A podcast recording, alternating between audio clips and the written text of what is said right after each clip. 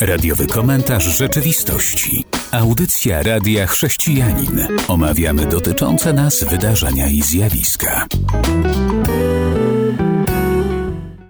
Witam w audycji, w której dzisiaj dla Państwa komentują Robert i Wojtek. Wojciechu. Będziemy komentować, bo to już taki właśnie czas nadszedł i ja pozwolę sobie zaprosić Ciebie jako pierwszego. E, dziękuję bardzo. Witam Państwa. Dzisiaj chciałbym przedstawić kilka tematów. Pierwszy z nich troszkę nawiązuje do obecnej sytuacji, mianowicie Krzysztof Tomasiewicz, pan profesor e, z Rady Medycznej przy premierze, zapytany o to, czy służby, czyli w domyśle policja, tak, czy tam wojsko, powinny być mniej pobłażliwe wobec osób, które nie przestrzegają obostrzeń, odpowiedział: Jeżeli w małym autobusie jedzie kilkanaście osób i wszystkie są bez maseczek, to o czym my w ogóle rozmawiamy? To jest proszenie się o nieszczęście. W tym momencie, niestety, ale skoro apele wielotygodniowe czy wręcz miesięczne nie przynoszą skutku, to chyba nie ma wyjścia. Czyli tutaj pan profesor wskazuje, że państwo powinno być bardziej rygorystyczne wobec tych, którzy nie chcą się szczepić. Ja po części się z tym zgadzam, bo wydaje mi się, że jednak powinniśmy brać odpowiedzialność za siebie, za innych. Aczkolwiek, czy powinno być to tak mocno represyjne, nie wiem. Co o tym myślisz, Robercie? No ktoś musi mieć inne zdanie. To ja powiem, że dajmy ludziom wolność. Niech robią co chcą. Chcą chorować, chorują. Problem tylko polega na tym, że jak komuś dajemy wolność, to komuś też ją zabieramy. Więc jeżeli pozwolimy ludziom zdjąć maseczki i korzystać do woli, to też ktoś, kto jest podatny na choroby, no musi się z tym liczyć, że on zachoruje. No i dlatego też nie mam gotowych rozwiązań ale rzeczywiście nie chciałbym, żebyśmy karali ludzi w jakiś szczególny sposób za to, że się nie chcą dostosować i nosić te maseczki. Naprawdę, przyznaję się, że jestem za wolnością, za wyborem, ale też szkoda mi tych wszystkich ludzi, którzy może chcieliby się czuć bezpiecznie w tych środkach komunikacji, czy też w miejscach zamkniętych. Można by powiedzieć, to niech oni zakładają. Może tak. No tak, tylko nasuwa mi się tutaj jedna wątpliwość. Oczywiście też jestem za tym, żeby ludzie mieli wybór, aczkolwiek y, chciałbym, żeby to był wybór poparty jakąś wiedzą, jakąś y, zdobytą informacją, a często spotyka się niestety podejście nie, bo nie, bo wujek Heniek powiedział, że szczepionki zabijają, bo ciocia Krysia powiedziała, że to prowadzi do autyzmu. No, wydaje mi się, że w XXI wieku takie podejście to jest naprawdę słabe. Y, państwo nasze jednak prowadzi pewne informacje.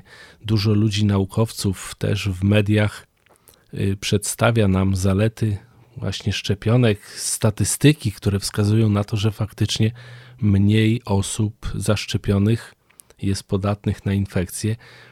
Myślę, że powinniśmy jako społeczeństwo bardziej się skupiać na tym, żeby zdobywać wiedzę, a nie powtarzać głupie plotki, bo to jest naprawdę słabe, uważam. To na pewno. A jako chrześcijanie mamy jeszcze przykazanie: będziesz miłował bliźniego swego.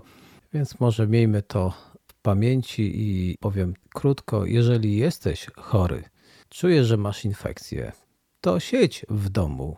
Nie roznoś tego. Więc nie będę tu mówił o maseczkach, tylko o odpowiedzialności wobec bliźniego twego. Jeżeli jesteś chory, to się lecz a nie jedź do pracy mówiąc sobie, a co mnie to obchodzi, że inni mogą się zarazić. Ważny jestem ja. Następna wiadomość zapewne też już czeka. O, zdecydowanie.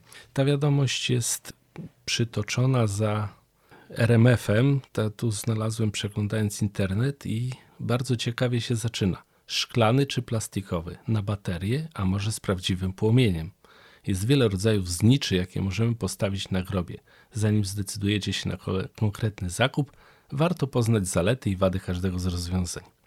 Oto oczywiście gazeta przytacza te wszystkie rozwiązania, pisząc: Dziś mamy do dyspozycji tanie, wygodne, ekologiczne zamienniki, również takie, które pomogą nam kultywować wspomnienia i tradycje. I tu się pojawia pytanie, czy my jako chrześcijanie powinniśmy kultywować tą tradycję? Co o tym myślisz, drogi Robercie? tradycję zapalania lampek? Zapalania zniczy, tak, tak. No, zbliżają się czasy, gdzie właśnie większość społeczeństwa lampki zapala. Ze statystyk wiemy, że około miliarda złotych jest puszczane co roku z dymem, tak można powiedzieć, przy okazji 1 listopada. No i życie, że tak powiem, na cmentarzach kwitnie. I znowu powiem, że jako chrześcijanie, którzy miłują bliźniego, nie będę nikomu zabraniał zapalania lampek. Jestem za wolnością, a zapalaj sobie ile chcesz. Po pierwsze, robisz to, bo masz na to ochotę. Dasz zarobić producentom. Oni będą ci wdzięczni, bo będą mieli na chleb. Zrobi się trochę cieplej na cmentarzu, więc kiedy jest zimno, te lampki sprawiają, że jest przyjemnie, jest kolorowo, dzieci się cieszą może chętniej chodzą na cmentarz. Rozmawiałem dosłownie parę dni temu z dorosłym już mężczyzną, który na cmentarz chodził, bo atmosfera tam była właściwa, dobra z rodzicami, jak był dzieckiem. A czy to pomoże umarłemu? W żaden sposób. A czy pomoże żyjącym? Jak najbardziej. Trochę refleksji, trochę zastanowienia się, ale czy na pewno można odejść od tych lampek? Pewnie, że można, bo jest to nasza tradycja. Tak się utarło. Więc zostawiam to. Róbmy, co uważamy za stosowne. E, świetne podsumowanie tego tematu. Postanowiłem o tym powiedzieć, bo wiem, że wielu chrześcijan często waha się, czy powinno iść e, na cmentarz w tym dniu, czy powinno zapalać to, te znicze, jakby rozważając, czy to nie jest przypadkiem kult oddawania czci zmarłym, tak? E, tutaj właśnie często pojawia się takie myślenie, że a być może ja przez to oddaję cześć zmarłym. No, myślę, że tak jak powiedziałeś, trzeba tutaj zachować rozsądny umiar w tym wszystkim i odpowiednią wiedzę. Mam ja teraz wiadomość. To będzie wiadomość z Warszawy. Przeczytałem na stronie Metro Warszawa. Jest taka gazeta ponoć. Młodzież nie chce już chodzić na religię. Są nowe dane, duże spadki nawet w podstawówkach. I dalej czytam: Młodzi warszawiacy nie chodzą na religię i etykę. Wiceprezydentka stolicy Renata Kaznowska przedstawiła dane dotyczące uczestnictwa w lekcjach religii i etyki w stołecznych szkołach. Wynika z nich, że na religię uczęszcza jedynie nieco ponad 30%, a na e- etykę zaledwie 2,3% uczniów. No i sieć podłapała ten temat już jakiś czas temu. Wciąż gdzieś o tym piszą, lubią te hasła, że młodzież ucieka, czyli odchodzi od chodzenia na religię. Powiem tak, sam sobie już skomentuję. W podstawówkach nie decydują dzieci, tylko rodzice. Więc jeżeli ktoś pisze, że młodzież nie chce, i tu oczywiście mówię o podstawówce zaraz, bo duże spadki nawet w podstawówkach, no to znaczy, że rodzice nie chcą, a nie młodzież i dzieci. Nie sądzisz?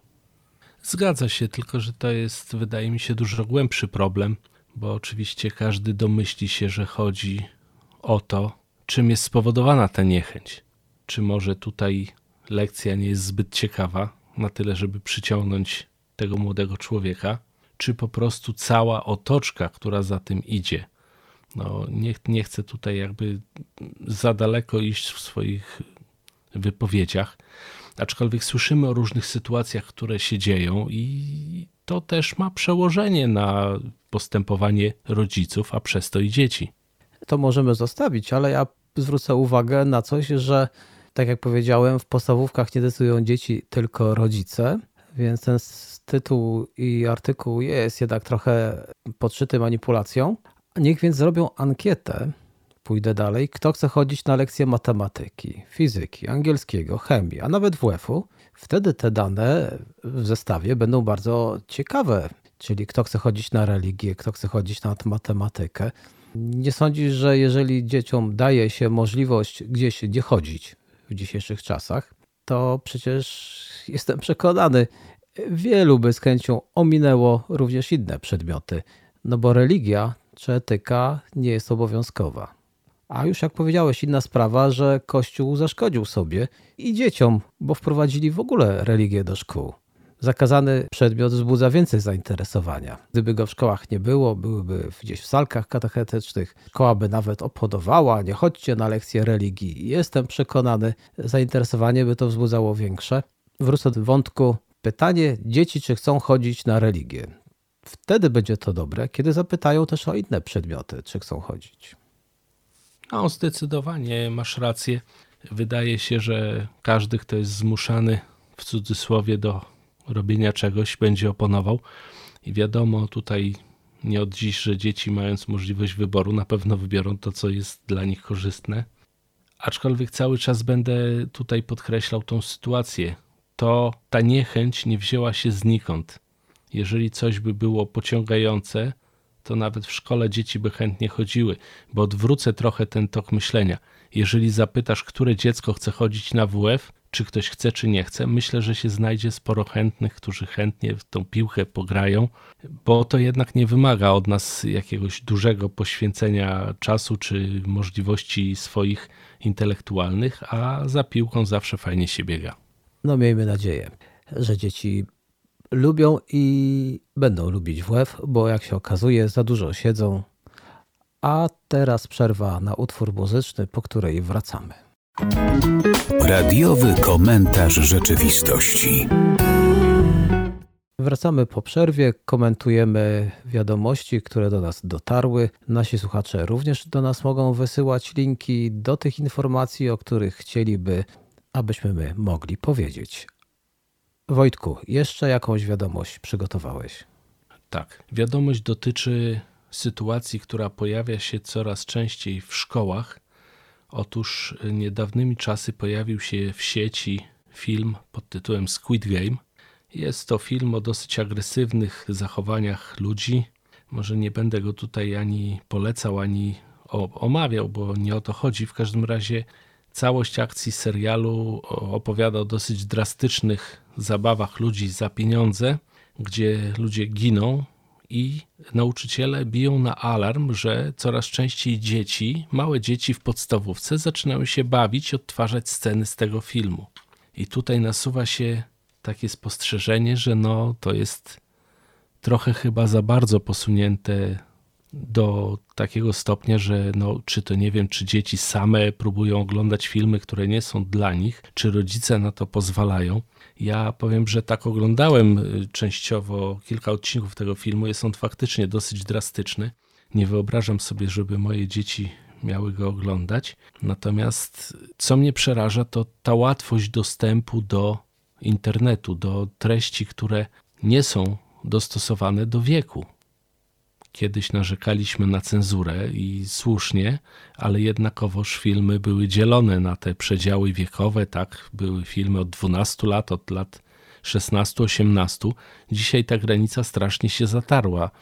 Ta łatwość dostępu, myślę, powoduje to, że dzieci jakby za szybko dorastają w tym złym z tego słowa znaczeniu.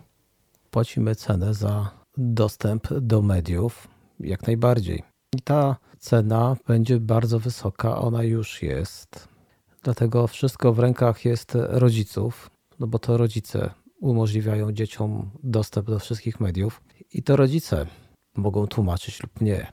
Niewiele my możemy zrobić, możemy uwrażliwiać rodziców, którzy bardzo często zmęczeni, nie ogarniają wiele spraw, więc może niech jedna osoba drugiej okaże trochę zrozumienia, wsparcia, otuchy. Mówię o rodzicach. Może czasami ktoś posiedzi z czyimś dzieckiem, kiedy on pójdzie i odpocznie, da spacer. Może to pretekst przy tej okazji, ale takie pomysły jak to, że jakaś mama już sobie nie radzi z dzieckiem psychicznie, bo spędza z nim bardzo dużo czasu i już chciałaby gdzieś wyjść z mężem na randkę, no ale nie ma z kim dzieci zostawić. No to teraz moje pytanie, gdzie są przyjaciółki albo przyjaciele? Niech się znajdą, niech posiedzą.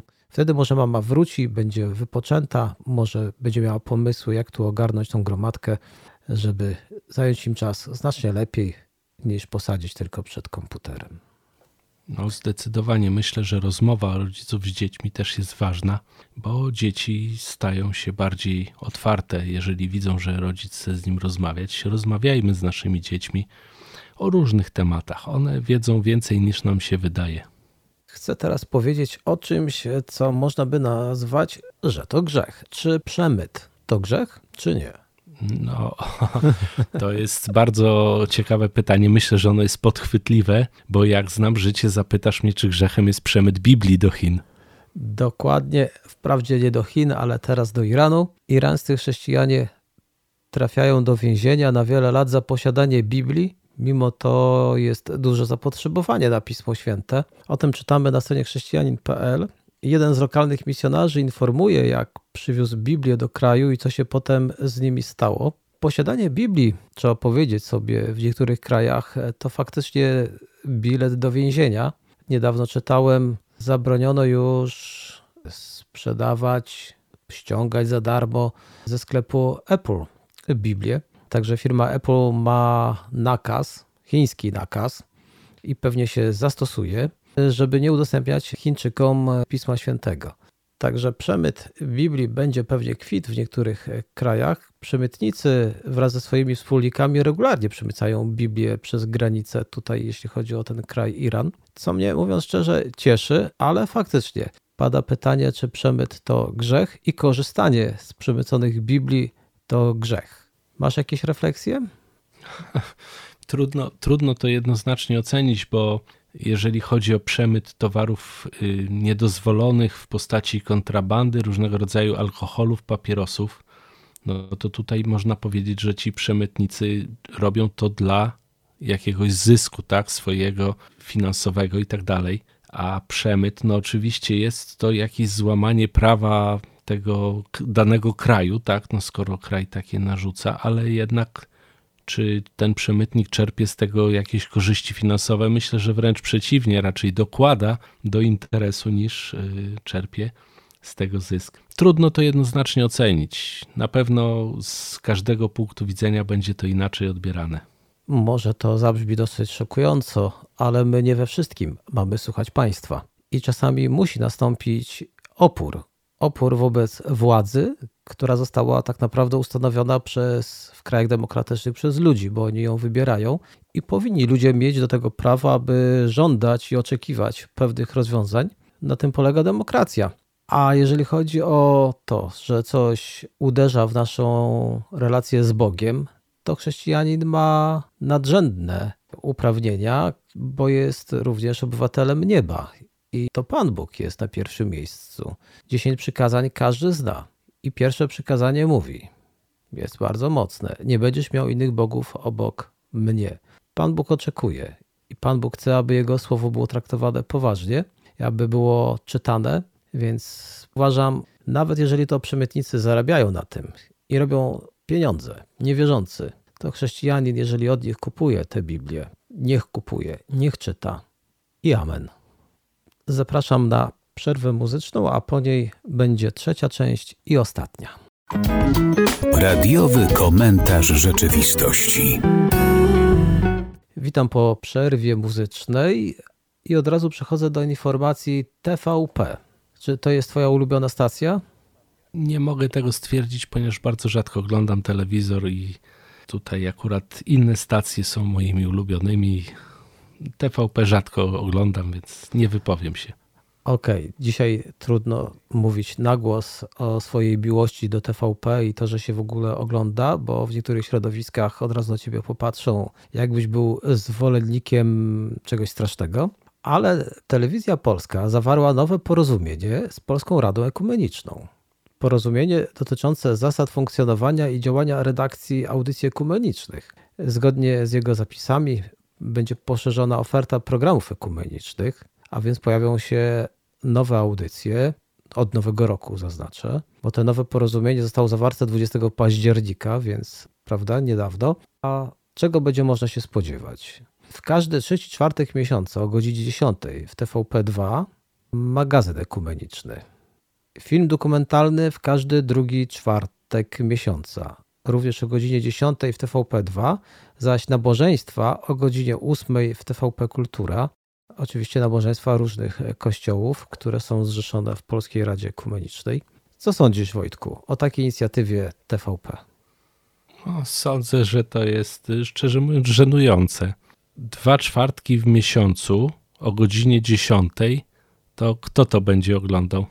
No bo na pewno nie ci, którzy pracują w tym czasie. Więc uważam, że to jest po prostu zamydlanie oczu, bo nie wydaje mi się, żeby to dotarło do szerokiego grona ludzi. I teraz zastanówmy się, no ekumeniczne. Co to znaczy ekumeniczne? To jak, jaki kościół będzie mógł przeprowadzić tam transmisję z nabożeństwa swego? Każdy, który jest zrzeszony w Polskiej Radzie Ekumenicznej, więc tutaj będzie chyba całkiem ok, ale masz rację, godzina 10 czy godzina 8 to taka chyba proforma i ukłon wobec innych środowisk niż Kościół katolicki, dlatego że programy katolickie mają znacznie lepszy czas nadawania. A odpowiem, kto będzie oglądał, kto zechce i komu się uda o tej porze, a jakie kościoły będą, też odpowiadam. Polska Rada Ekumeniczna zrzesza obecnie siedem kościołów członkowskich i jest to Kościół Chrześcijan Baptystów, Kościół Ewangelicko-Augsburski, Kościół Ewangelicko-Metodystyczny, Kościół Ewangelicko-Reformowany, Kościół Polsko-Katolicki, Kościół Starokatolicki Maria Witów i Polski Autokefaliczny Kościół Prawosławny. Te kościoły są zrzeszone w Polskiej Radzie Ekumenicznej. To wynika z tego, że raz na półtora miesiąca każdy będzie mógł pokazać swoje nabożeństwo, czy tak to trzeba rozumieć? Jeżeli będą po kolei pokazywać?